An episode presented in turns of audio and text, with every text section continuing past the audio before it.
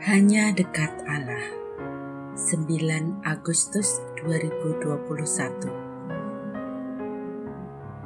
Gigi pedang. Amsal 30 ayat 14. Ada keturunan yang giginya adalah pedang, yang gigi geliginya adalah pisau, untuk memakan habis dari bumi orang-orang yang tertindas orang-orang yang miskin di antara manusia.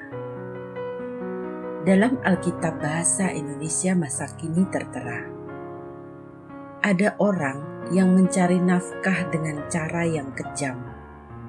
Mereka bengis dan memeras orang miskin dan orang lemah.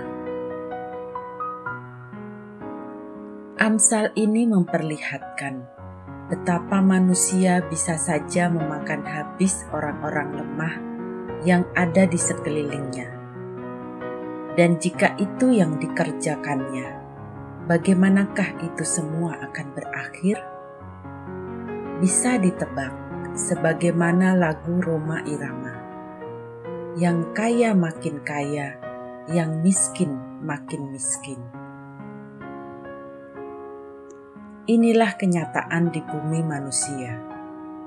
Yang kuat bukannya menolong yang lemah, tetapi malah menindas yang lemah. Mungkin karena tiada perlawanan sama sekali.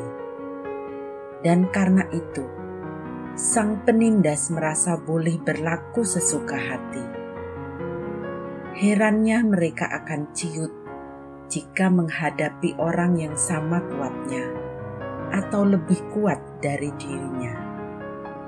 Bisa jadi dia malah takut ditindas.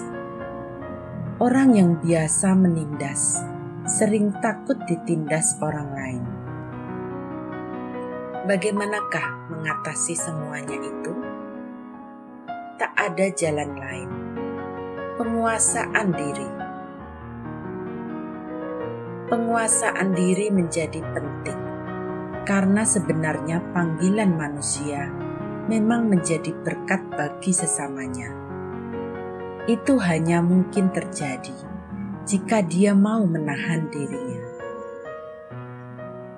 Bagaimanapun, manusia hanya punya satu mulut untuk diberi makan, dan jika mau tambah pun, manusia normal hanya perlu tambahan setengah piring nasi panas lebih dari itu, hanya akan sakit perut akibat kekenyangan.